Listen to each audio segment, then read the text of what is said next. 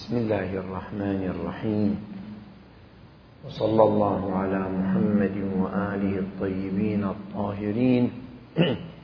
سيما بقية الله في الأرضين ولعنة الله الدائمة التامة على أعدائهم أجمعين من الآن إلى قيام يوم الدين. توجد عندنا مجموعة من الروايات تتحدث عن المهديين. وأنهم اثنا عشر مهديا. هذه الروايات التي تتحدث عن المهديين هل أنها تتحدث عن الذين يقومون بعد الإمام المهدي عليه السلام أم أنها تتحدث عن الذين يكونون قبل ظهور الإمام المهدي أم غير ذلك؟ قبل أن نتحدث عن هذه النصوص بقي عندنا شيء في بحثنا السابق نحتاج إلى استكماله. كنا نتحدث فيما مضى حول توقيع السمري رضي الله تعالى عنه وفي دلالته على انتهاء السفارة الخاصة وأنه بعد وفاة الشيخ السمري رضي الله تعالى عنه لا توجد سفارة خاصة وكل من ادعى ذلك فهو كذاب مفتر أشرنا لبعض الإشكالات منها المناقشة السندية ومنها معارضة التوقيع الشريف للروايات التي تتحدث عن إمكانية رؤية الإمام المهدي. وأخيرا إن التوقيع الشريف معارض لما نقل من القصص والحكايات المتواترة والتي تضمنت رؤية الإمام المنتظر وعلى هذا لا بد من رفع اليد عنه.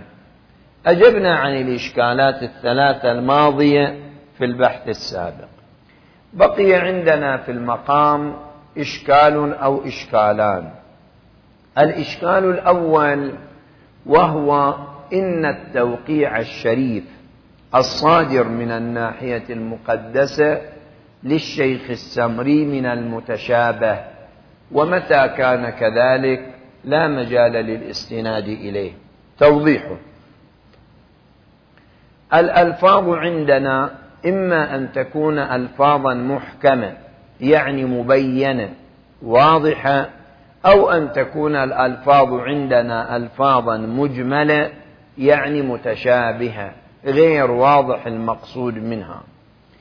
إذا كان اللفظ من الألفاظ المبينة الواضحة التي لا تحتاج إلى مزيد بيان وعناء أمكن الاستناد إليها في مقام التخاطب والمحاورات العرفية. أما إذا كان اللفظ متشابه يعني مجمل لا يعلم المقصود منه ولم يتحدد فلا مجال للاستناد إليه. مثلا عندما يقول سبحانه وتعالى فتيمموا صعيدا طيبا. ما هو المقصود من الصعيد؟ هل المقصود من الصعيد مطلق وجه الأرض؟ أم أن المقصود من الصعيد التراب؟ أم أن المقصود من الصعيد شيء آخر غير هذين المحتملين؟ مع تعدد المحتملات في بيان المقصود من لفظة الصعيد يكون لفظ الصعيد حينئذ من الألفاظ المتشابهة وبالتالي لا مجال للاستناد إليه في مقام الاستدلال لأننا لا نعرف المقصود منه وعلى هذا كيف نستدل به. أما إذا كان اللفظ لفظا محكما يعني أن المقصود منه واضح البيان بين الدلالة محدد. فلا معنى لأن يمتنع من الاستناد إليه. عندما أقول لك أكرم الفقيه فإن لفظة الفقيه عندنا كل من بلغ مرتبة الاجتهاد وصار يمتلك القدرة على استنباط الحكم الشرعي من مدركه المقرر. فإذا لفظ مبين أو محكم لا يحتاج عناء في تحديد المقصود به من وبالتالي الاستدلال. قالوا بأن التوقيع الشريف من الألفاظ المتشابهة لأن التوقيع الشريف قد اشتمل على نفي المشاهدة وقد اختلف أعلامنا اختلافا كبيرا في تحديد المقصود من المشاهدة. فهل المقصود نفي الرؤية البصرية؟ أم المقصود دعوى السفارة؟ أم المقصود غير ذلك؟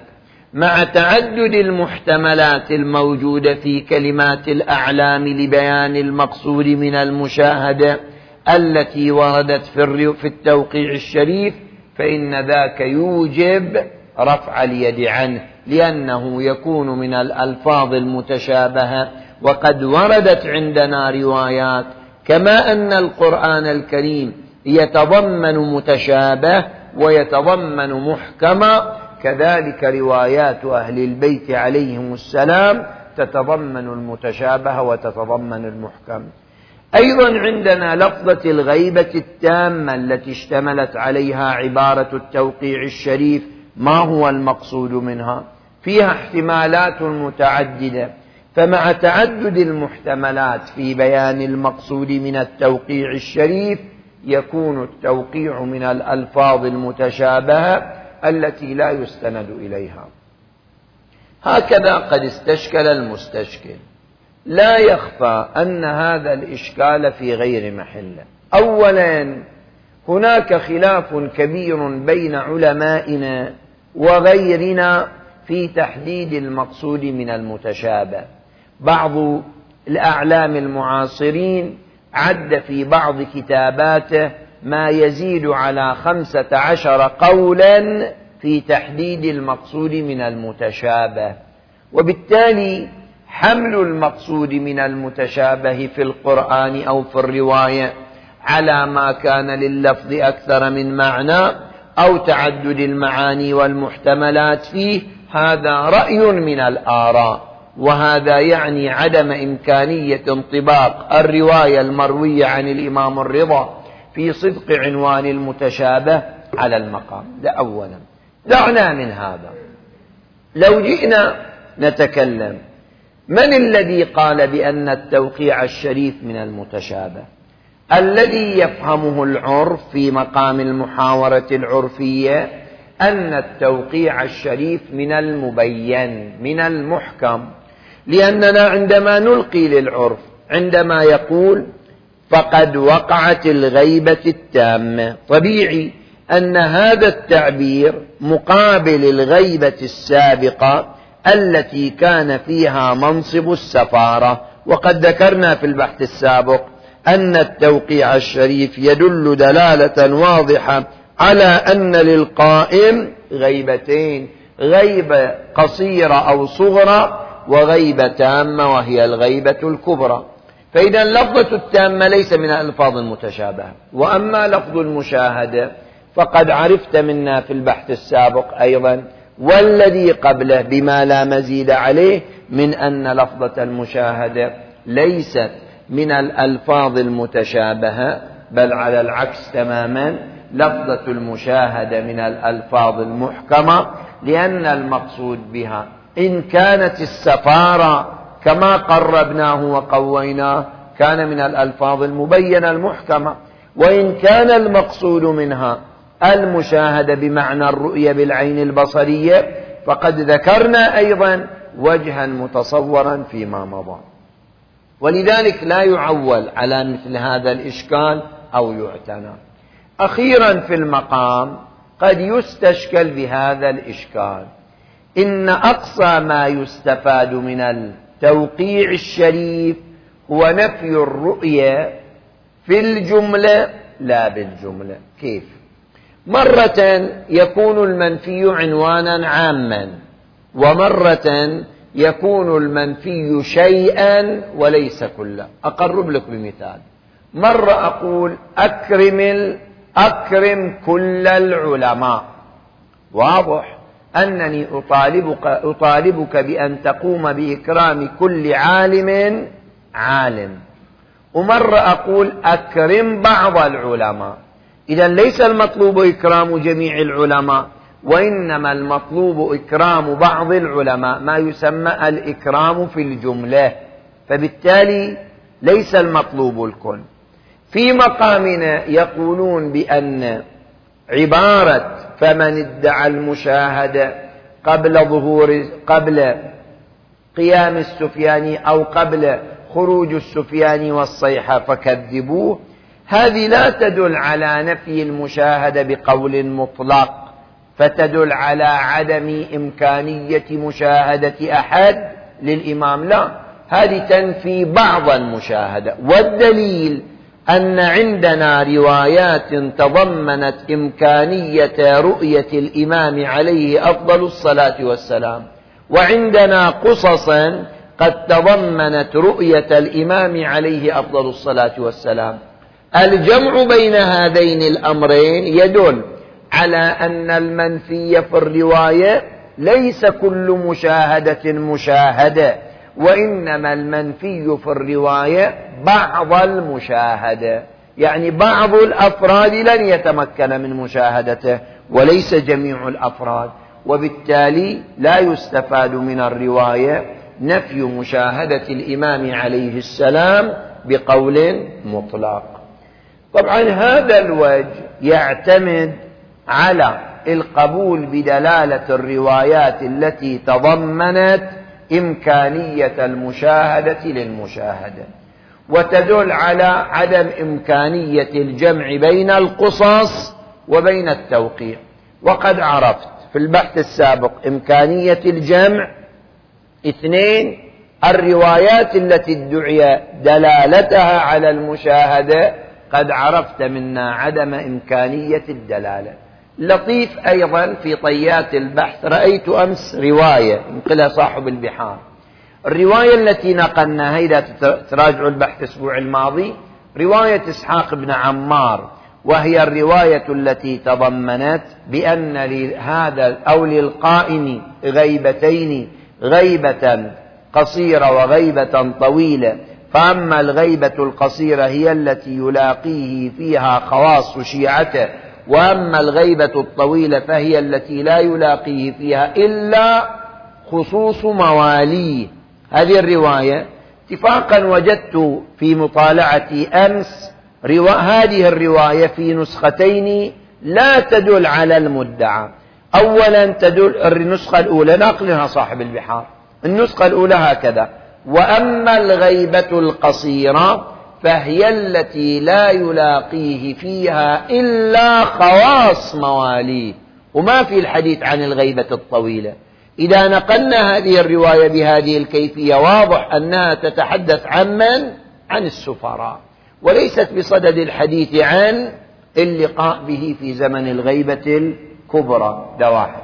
نسخة ثانية لا يلاقيه في الغيبة الأولى لا يلاقيه إلا خواصيعته وفي الغيبة الثانية لا يلاقيه حتى مواليه. هكذا التعبير حتى مواليه يعني أيضا تفيد عملية الاحتجاب وأنه لا يلتقي به أحد. النتيجة أنه لا يوجد عندنا ما ينافي التفسير التوقيع الشريف حتى يقال بأن التوقيع يدل دلالة جزئية ولا يدل دلالة كلية على نفي الرؤية والمشاهدة وقد تقدم تفصيل ذلك فيما مضى. هذا استكمال لما بقي من بحثنا السابق.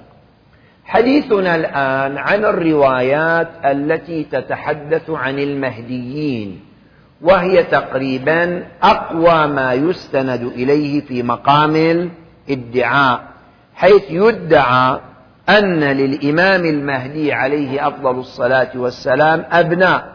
هم خلفاء يقومون بالأمر أو نوابا وسفراء. أهم هذه الروايات رواية تعرف برواية الوصية وهي رواية النبي صلى الله عليه وآله.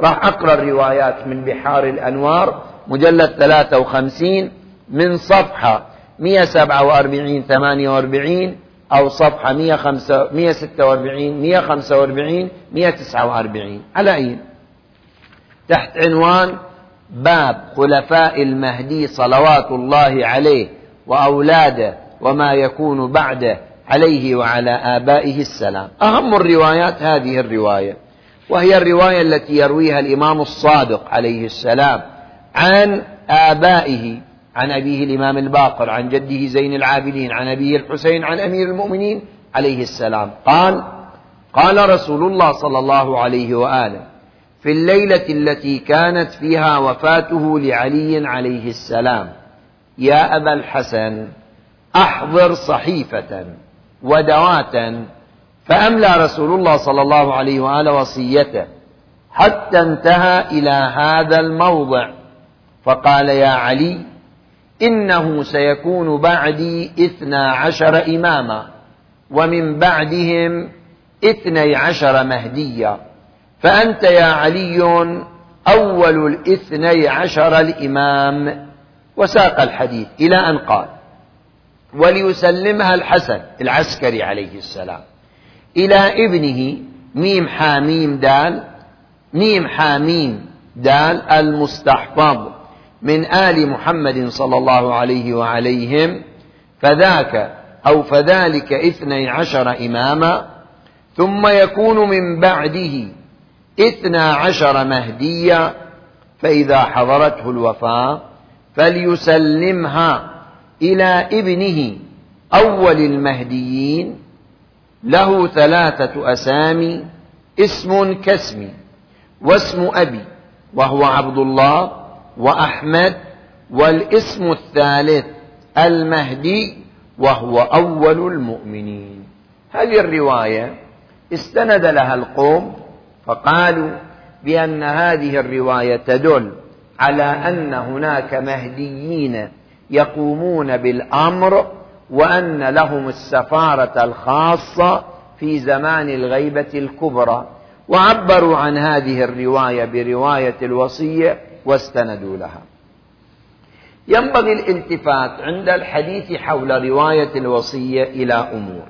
أولا رواية الوصية من حيث السند في أدنى مراتب السقوط عن الحجية.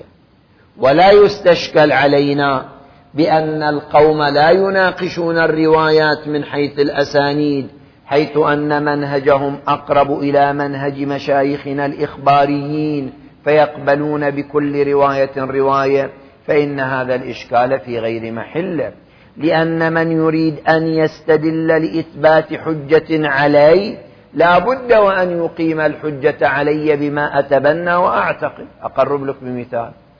الآن إحنا عندما نريد أن ندخل مع أبناء العامة في نقاش ونريد أن نستدل عليهم بأن أمير المؤمنين عليه السلام هو خليفة النبي محمد صلى الله عليه وآله الذي نصبه الله عز وجل علما وهاديا بعد الرسول صلى الله عليه وآله. تقول بأنه قد نقل شيخنا الكليني في كتابه الكافي رواية تدل على أن النبي قد أقام عليا بأمر من الله عز وجل خليفة. أو تقول لا قد رويتم أنتم في كتابكم البخاري وهو القرآن الثاني عندكم. وقد رويتم في كتاب مسلم وهو القرآن الثالث لديكم حديث الغدير الذي يدل على أن النبي قد نصب عليا علما وهاديا وخليفة وإماما بأمر من الله عز وجل. فإذا أنت من تريد أن تحتج على خصم أو تحتج على طرف آخر لا بد أن تحاكمه بما يعتقد وتحاكمه بما يتبنى. لا أن تعمد إلى محاكمته بما تعتقد أنت. كونك أنت إخباري المنهج ممن لا يرى مناقشة الروايات سندا لا يكون حجة علي. أنت بصدد الإثبات لي أم بصدد الإثبات لك؟ خلنا نتفق إذا أنت بصدد إثبات لوك فبالتالي خلاص خلي الحجة عندك. الآن أنا أريد أن أثبت أن علي بن أبي طالب خليفة المسلمين بعد النبي صلى الله عليه وآله. هذا أريد أن يؤمن به جميع الناس لو أبغى إلى نفسي أنا بس. إلى نفسي أنا بس خلاص أنا سمت الكافي وأقرأ في الكافي وثبت المطلوب وأقعد ببيتنا وانتهى الأمر. أما إذا أريد أن أثبت هذه الحجة وهذه البينة لعامة الناس فلا بد أن يكون ذلك من خلال البيان لكافة الناس. ولا يكون ذلك من خلال البيان عن طريق ما أتبنى. القوم هكذا. هذا الذي يريد أن يستدل بمسألة السفارة الخاصة في زمان الغيبة الكبرى ويريد أن يثبت سفارة له من الناحية المقدسة يريد يتمسك برواية الوصية لإثبات هذه الدعوة.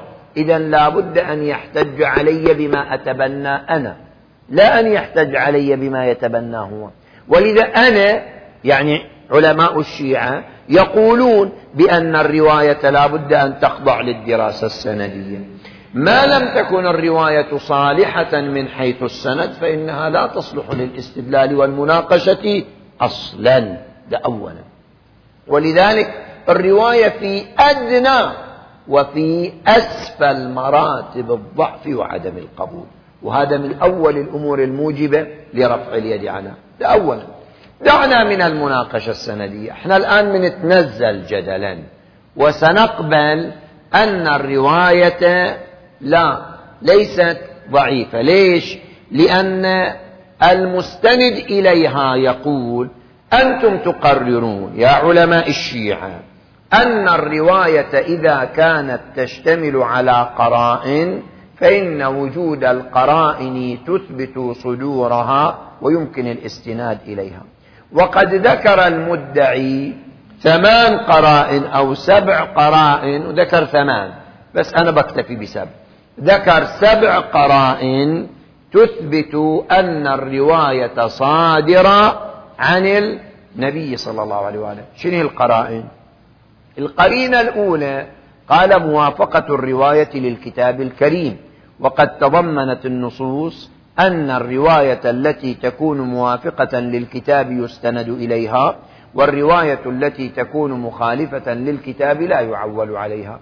ورواية الوصية من الروايات التي وافقت الكتاب فيستند إليها في مقام الاستدلال. استشهد طبعا. شلون رواية الوصية موافقة للكتاب؟ قال أولا القرآن الكريم نص على الوصية ورواية الوصية تضمنت الوصية. القرآن الكريم نص على استشهاد شاهدين في مقام الإيصاء ورواية الوصية تضمنت أن النبي استشهد شاهدين استشهد سلمان واستشهد أمير المؤمنين علي عليه أفضل الصلاة والسلام. القرآن الكريم تضمن أن عدم الوصية عند الموت من عدم التوفيق يعني الذي لا يوصي فذاك يدل على أنه ليس موفقا فحرم من الوصية وهذا لا يتصور في شأن النبي صلى الله عليه وآله. فدي ثلاثة أمور تثبت أن أو تثبت أن الوصية موافقة للقرآن الكريم. هذا واحد.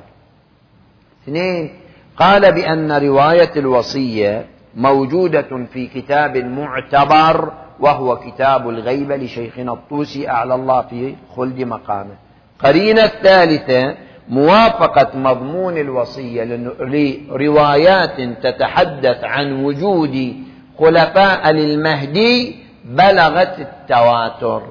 قرينة الرابعة فقدان المعارض للوصية. قرينة الخامسة عدم احتمال التقية فيها. قرينة السادسة مخالفتها لعقائد أبناء العامة القرينة السابعة استناد بعض كبار العلماء إليها القرينة الثانية لتبناها وأنا رفعت اليد عنها لسبع قرائن.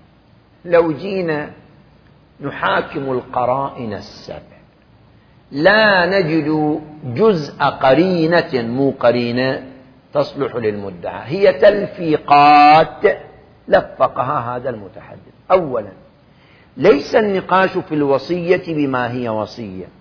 إحنا كلامنا في مقطع وهو الذي تريد أن تستند أنت إليه. يعني لو جاءتنا رواية اشتملت الرواية على مجموعة مقاطع بعضها كان موافقا للكتاب وبعضها لم يكن موافقا للكتاب. فهل يثبت ذلك صدورها؟ أعطيكم رواية. عندنا رواية عن أبي بصير. زين؟ يجيبوها في باب الصوم. إن الكذبة تفطر الصائم وتنقض الوضوء. إن الكذبة تفطر الصائم وتنقض الوضوء. هذه الرواية الآن زين واحد يجي يقول لا يمكن أن نرفع اليد عنها. ليش لا يمكن أن نرفع اليد عنها؟ لأنها موافقة إلى القرآن الكريم لأن القرآن الكريم قد نص على أن هناك ما يثبت نواقض الوضوء كما نص على أن هناك مفطرات للصوم. الحكي مو في أن هناك مفطرات للصوم وأن هناك نواقض للوضوء. الحكي أن الكذبة تفطر الصائم وتنقض الوضوء. هذه من المنصوص عليها في القرآن الكريم. حتى يكون قرينة يصح الاستناد إليها في إثبات المدعى. أما الوصية تضمنت أصل الإيصاء والإيصاء نص عليه في القرآن الكريم تضمنت الإشهاد والإشهاد نص عليه في القرآن الكريم هي مي قرينة. القرينة إذا أردنا أن نستند أن محل البحث هذا الذي نريد أن نثبته هذا وارد. أما الرواية ما يضر صحيح الرواية اشتملت على عدة مقاطع. عندنا بحث في علم الرواية والدراية يسموه تقطيع الرواية. يعني نقبل ذا المقطع لأنه موافق للقرآن. هذا المقطع مخالف للقرآن نصرف عن الاعتبار وهذا معروف عند علمائنا. يسموه التقطيع أو يسموه هو عملية التقطيع في الحجية. زين؟ يعني يستند إلى البعض ويرفع عن البعض فلا يستند إليه. هذا ممكن.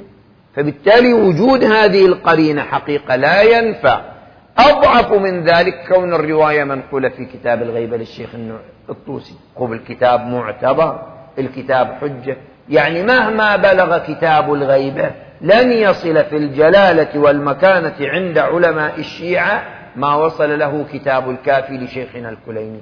ومع ذلك كتاب الكافي لشيخنا الكليني كتاب إلى اليوم يخضع للدراسة والتمحيص والمناقشة السندية. مجرد وجود الرواية في كتاب مهما بلغ من الاعتبار والمكانة ما يعتبر دليل على القبول والاعتبار. وأضعف من ذلك ما ذكر بأنها موافقة لنصوص بلغت حد التواتر بدعوة راح تجي في طيات الكلام. فقدان المعارض عدم احتمال التقية دي كلها حقيقة.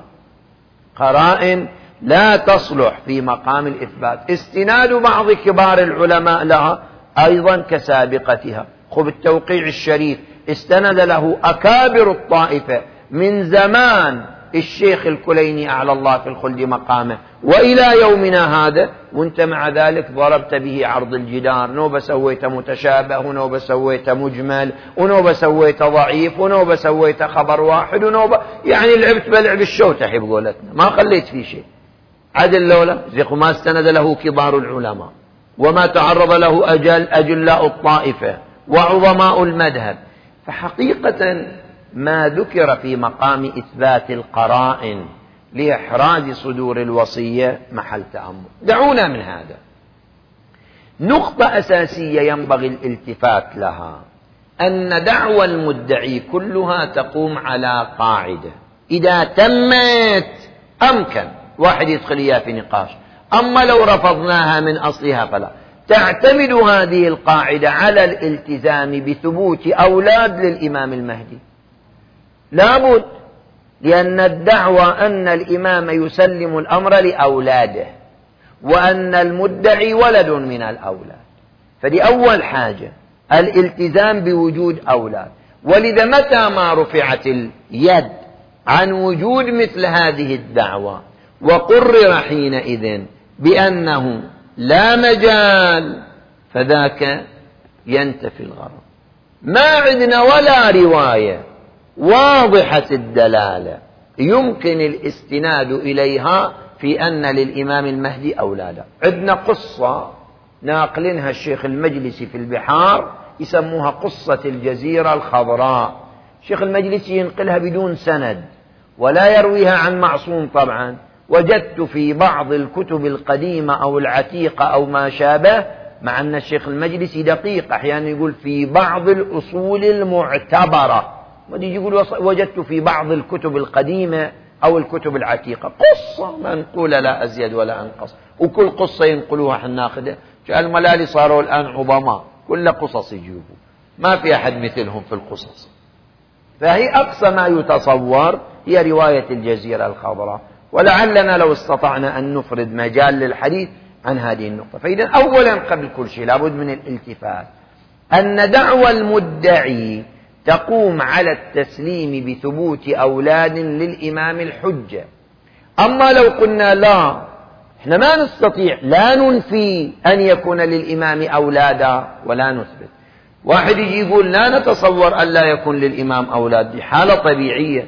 خب أساسا وجوده يعني القضية قضية عدم إمكان أو القضية قضية استغراب. النقطة مهمة. إذا قلت لا يمكن أن يكون بدون أولاد ده محل كلام. أما إذا القضية قضية استغراب دي مثل طول العمر. ألا نستغرب طول عمره الشريف؟ زين الخضر الآن عنده أولاده. مسيح عيسى عنده أولاده. إلياس على القول بأنه لا زال من الأحياء عند أولاده. تشمعنا دولة ما عندهم أولاد المهدي عند أولاد كما تقولون هنا يقال هنا له كما أن الخيضر لا أولاد القضية هنا هنا قضية غيبية قضية إعجازية تتدخل فيها عوامل متعددة وهي أهمها القدرة الإلهية العناية الخاصة. فبالتالي ده ممكن. صحيح الشهيد الصدر الثاني رضي الله تعالى عنه قال بناء على ما يلتزم به من غيبة العنوان خفاء العنوان وليست خفاء الشخص. لا مانع أن يتزوج ويمارس حياته مثل أي إنسان طبيعي. لكن يقول نجزم بهذا الأمر؟ ما نقدر نجزم. ما نقدر نجزم أن يبقى الإنسان متزوجا وينجب أولاده ويمشي ويتركهم صحيح بدون أن يعرفهم نسبهم. يتموا بدون نسب. كل مرة يدعون شيئا وينتسبون إلى أسرة. هاشميين علويين وينتهي الموضوع. هكذا. مهما كان يبقى ده مجرد احتمال. مع أننا نجد أن الخضر بلا أولاد عيسى بلا أولاد. أيضا هناك نبي آخر وهو الياس على ما قيل لا زال من الأحياء أيضا بلا أولاد. أي محذور في هذا الأمر. القضية قضية إلهية القضية قضية غيبية. وهذا مو أنا وإنت الذين يعيشون في دنياهم من أجل شهوتين شهوة البطن وشهوة الفرج. هذا حتى إذا جاء يأكل أو جاء يمارس ما يمارس فإن ذلك يؤتى به على نحو العبادة تقرب إلى الله عز وجل. وإلا هذا أبعد ما يكون عن مبدأ الشهوة وعنصر الشهوة. فحقيقة يقوم الاستدلال أساسا على ذلك. دعونا من هذا الشيء. إذا دي نقطة أول ومجرد له ما يعني يذكر في المقام وما يحشد لإثبات أن له أولاد ما عدنا. يعني حتى مثلا الرواية التي تقول يأتي هو وأهله وولده. منهم أهله وولده. متى هذا؟ الحين باكر وقت القيام وقت الظهور. ما في شيء واضح. أعود لما نحن فيه. إحنا الآن لنبقى مع رواية الوصية. لما نتحدث عن رواية الوصية لابد حتى يصح الاستناد لها من الالتفات إلى الضمير على من يعود. عود أقرأ إياكم الرواية. وليسلمها. الحسن عليه السلام. قلت قبل قليل العسكري إلى ابنه ميم حاميم دال المستحفظ من آل محمد صلى الله عليه وعليهم فذلك اثني عشر إماما. ثم يكون من بعده اثنا عشر مهديا فإذا حضرته الوفاة فليسلمها إلى ابنه أول المهديين له ثلاثة أسامي الكلام الآن ثم يكون من بعده. الضمير ثم يكون من بعده يعود على من؟ عندنا احتمالان. احتمال أن يكون الضمير عائدا على النبي صلى الله عليه وآله. احتمال أن يكون الضمير عائدا على صاحب الناحية المقدسة روحي لتراب حافر جواده الفداء. صحيح قد يرجح الاحتمال الأول. فيقال بأن الرواية بأنه الضمير يعود إلى الأقرب. إذا جاء عندنا كلام واشتمل على ذكر أكثر من فاعل ثم بعد ذلك جاء ضمير فالضمير يعود إلى الأقرب. وهذه لغة عربية معروفة كما يستدل علماءنا في قوله سبحانه وتعالى آه، فاغسلوا وجوهكم وأيديكم إلى المرافق. وامسحوا برؤوسكم وأرجلكم إلى الكعبين. يقولوا بأن العود لابد أن يكون على الأقرب وهو على المسح مو على الغسل. على أي؟ نعود للكلام. هني فبالتالي قد يقول قائل بأن عودها على صاحب الناحية المقدسة أولى طبقا للقاعدة النحوية. لكن يحتمل أن الضمير عائد على النبي صلى الله عليه وآله. واحد. ليش؟ الرواية منقولة بالمعنى. وما دامت الرواية منقولة بالمعنى فاحتمال اغتشاش الضمائر هذا وارد. يساعد على هذا الأمر الذيل الذي جاء في الرواية عندما يقول له ثلاثة أسامي اسم كاسم واسم أبي وهو عبد الله وأحمد والاسم الثالث المهدي. هذا هل يعود للإمام صاحب الناحية المقدسة؟ أم هذا يعود إلى أول المهديين؟ واحد. قد يقول قائل عوده لصاحب الناحية المقدسة بعيد لأنه تضمن واسم أبي وهو عبد الله. هذا يأكد كلامنا في اضطراب في المتن. هذا يتوافق مع ما جاء في كتب العامة. لأن الموجود في كتب العامة أن اسم أبيه كاسم أبي. فبالتالي هذا يأكد أن في البين اغتشاشا وبالتالي الرواية تعيش اضطرابا. دعنا من ذا الاحتمال. من سلم الرواية متضمنة إلى الحديث عن أول الخلفاء بعد صاحب الناحية المقدسة. في الرواية اضطراب يسموه اضطراب في المتن وهو يعني آه اختلال. يمنع من الاستناد لها. التفتوا. له ثلاثة أسامي احسبوا. اسم كاسمي يعني محمد. واسم أبي يعني عبد الله. والاسم الثالث المهدي. هذا المفروض ثلاثة أسامي. تعالوا نحسب الأسماء. اسم كاسمي محمد. واسم أبي وهو عبد الله وأحمد. ثلاثة. والاسم الثالث المهدي. الرواية تنص ثلاثة أسماء وتذكر أربعة أسماء. وطبيعي في علم الحديث أن هذا من الاضطراب في المتن الذي يمنع من الاستناد للرواية. ولذلك من المحتمل قويا جدا أن هذه الرواية من الروايات التي تعرضت للتعديل والتصحيح القياسي سمي بعض أساطين العصر. يعني أن الرواية عمل لأنها منقولة بالمعنى فيها اضطراب. جاء بعض العلماء فقام يقايسها على مجموعة من الروايات وصار يحاول أن يرتب ألفاظها على طبق تلك الروايات ليس تصحيح قياسي. مع كونها بهذه الكيفية كيف يصح الاستناد لها؟ هذا واحد. إذا الرواية أولا فيها تردد في مرجع الضمير. اثنين فيها اضطراب في المتن كما ذكرت. هذا أمر ثاني. هذا المعنى التردد في الضمير واضطراب المتن يوجب أن تكون الرواية على وفق المدعى متشابهة فلا يصح الاستناد إليها. كما أن التوقيع ما دام يحتمل ويحتمل صار من الروايات المتشابهة ليكن المقام أيضا من الروايات المتشابهة وبالتالي لا مجال للاستناد إليها كما لا يخفى. هذا واحد. دعنا من هذا كله كل كلام يرتبط بأهل الاختصاص إحنا ما لنا علاقة فيه. خلينا نتكلم ما هو المرتبط بنا. التفتوا يا إخوان. الرواية ماذا تتحدث؟ الرواية تتحدث أن هؤلاء المهديين الذين سوف يقومون متى يكونون؟ يكونون بعد الإمام المنتظر. روحي لتراب حافر جوادي الفدا أقرأ الرواية حتى تكون واضحة. فإذا حضرته الوفاة نسلم أنه من؟ الإمام المهدي. فليسلمها إلى ابنه أول المهديين. إذا الرواية تتحدث عن أن دولة المهديين أو أن المهديين هم الذين سوف يكونوا بعد وفاة الإمام المنتظر لا أنهم يكونون قبل ظهور الإمام المنتظر. وهذا يعني أن الاستناد لهذه الرواية والاستدلال بها لإثبات سفارة قبل خروج الإمام المهدي في غير محله. ما ينحصر الأمر في هذه الرواية فقط. عندنا الروايات الأخرى أيضا تدل على نفس هذا المعنى. مثلا عندنا الرواية الأولى وهي رواية أبي بصير.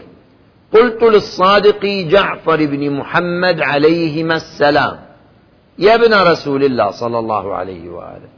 سمعت من أبيك عليه السلام أنه قال يكون بعد القائم. اثني عشر مهديا شوف لاحظ بعد القائم. إذا الحديث عن المهديين إنما هو بعد الإمام المنتظر عليه السلام وليس قبل ظهور الإمام المنتظر. أيضا الرواية الثانية رواية أبي حمزة. عن أبي عبد الله عليه السلام في حديث طويل أنه قال يا أبا حمزة إن منا بعد القائم أحد عشر مهديا من ولد الحسين. إن منا بعد القائم. إذا الملحوظ أن هذه الروايات كلها تتحدث عن أن هؤلاء يكونوا بعد الإمام المهدي لا أنهم يكونوا قبل الإمام المهدي عليه السلام. ولذلك جاء أعلامنا لمحاولة بيان هذه الروايات وتحديد المقصود منها. شيخ المجلس قدس الله تربة الطاهرة. ذكر في هذه الروايات احتمالين أنقلهما الاحتمال الأول قال بأن المقصود من هذه الروايات عبارة عن ماذا؟ المقصود من هذه الروايات هم الأئمة عليهم أفضل الصلاة والسلام ببيان نحن الشيعة نعتقد بالرجعة ونعتقد أن الذي يملك الأمة بعد قتل الإمام المنتظر هم أئمتنا عليهم أفضل الصلاة والسلام يعني بعد وفاة الإمام المهدي سوف يخرج الإمام الحسين عليه السلام ويصلي على الإمام المهدي ثم بعد ذلك يعود النبي فأمير المؤمنين فالحسن فالإمام السجاد فالباقر إلى غاية عودة الإمام العسكري صلوات الله وسلامه عليهم أجمعين.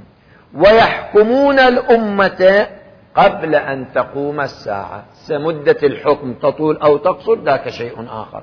يعني بعدما يقيم الإمام المهدي دولته وبعدما تستقر هذه الدولة ويقتل الإمام عليه السلام من الذي يتولى الحكم؟ الذي يعتقده الشيعة أن الأئمة هم الذين سوف يتولون الحكم من جديد وذلك بعد أن يعودوا إلى عالم الدنيا. هذا يسموه بحث الرجعة. الاحتمال الأول اللي ذكر الشيخ المجلسي يقول المقصود بالإحدى عشر مهدي أو الاثنى عشر مهدي المعصومين عليهم السلام. هم الذين يعودون إلى عالم الدنيا فيتولون حكومة الدنيا ويتولون إدارة الكون بما فيه إلى أن تقوم الساعة حينئذ. ده احتمال. وبالتالي ما في أي محذور أن يكون ذلك بعد الإمام المهدي. هذا محتمل. المحتمل الثاني الذي ذكره الشيخ المجلسي في المقام قال لا ليس المقصود بهؤلاء الأئمة عليهم أفضل الصلاة والسلام وإنما المقصود بهؤلاء أوصياء الإمام القائم عجل الله تعالى فرجه الشريف أوصياء الإمام القائم. هؤلاء يكونوا أوصياء للإمام في زمن الأئمة يعني يرجع الأئمة فإذا رجع الأئمة عليهم أفضل الصلاة والسلام جاء هؤلاء المهديون وكانوا هم أوصياء الإمام المهدي فصاروا في خدمة الأئمة عليهم أفضل الصلاة والسلام. بالنتيجة ليسوا هم الأئمة. هذان احتمالان. طبعا بعض أعلامنا لم يرتضي هذين الاحتمالين. عمد إلى مناقشتهم والرد عليهم. دعنا من هذا قد أشير له.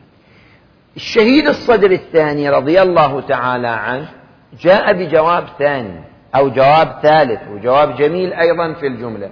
شهيد الصدر الثاني لا يؤمن بمسألة الرجعة. يقول لا يوجد عندنا دليل معتبر يمكن الاستناد إليه يثبت من خلاله الرجعة ولذلك لا يؤمن بهذا الأمر. عليه شو يسوي مع هذه الروايات؟ يقول إن الإمام المهدي بعدما يقيم دولته المباركة طبيعي جدا كما كان آباؤه يعمدون إلى تربية كوادر صالحة في الأمة. الإمام المهدي لا بد أن يربي كوادر صالحة. يعني ما يمكن الإمام المهدي بيحكم من دون أن ينتج شخصيات على مستوى عالي من الإيمان والتقوى. دول الاثنى عشر مهدي هم الكوادر الصالحة التي سوف يقوم الإمام المهدي بتربيتهم وإعدادهم وتنشئتهم تنشئة صالحة. وبالتالي هم اللي راح يتولوا إدارة العالم إلى أن تقوم الساعة. إذا الشهيد الصادق يسلم بدي الروايات يحملهم على أناس عاديين من أصحاب الإمام المهدي الذين أعدهم الإمام المهدي إعدادا إيمانيا وفكريا وثقافيا وهيأهم لكي يقوموا بحكومة العالم. فإذا كل لازلنا الآن نتحدث عن أن المهديين إنما هم بعد الإمام المهدي وليسوا قبل الإمام المهدي. فالروايات التي ذكرنا وهي روايات المهديين أجنبية تماما عن دعوى إقامة وجود سفارة قبل الإمام عليه السلام. بقي إذا إذا كانت روايات المهديين ناظرة لما ذكرنا كيف تدعى السفارة؟ بقت عندنا روايات اليماني الآن كيف نستطيع أن نوفق بين روايات اليماني وبين الروايات؟ البعض استند إلى روايات اليماني وأراد من خلالها أن يثبت المدعى. حديثنا القادم إن شاء الله راح يكون عن روايات اليماني.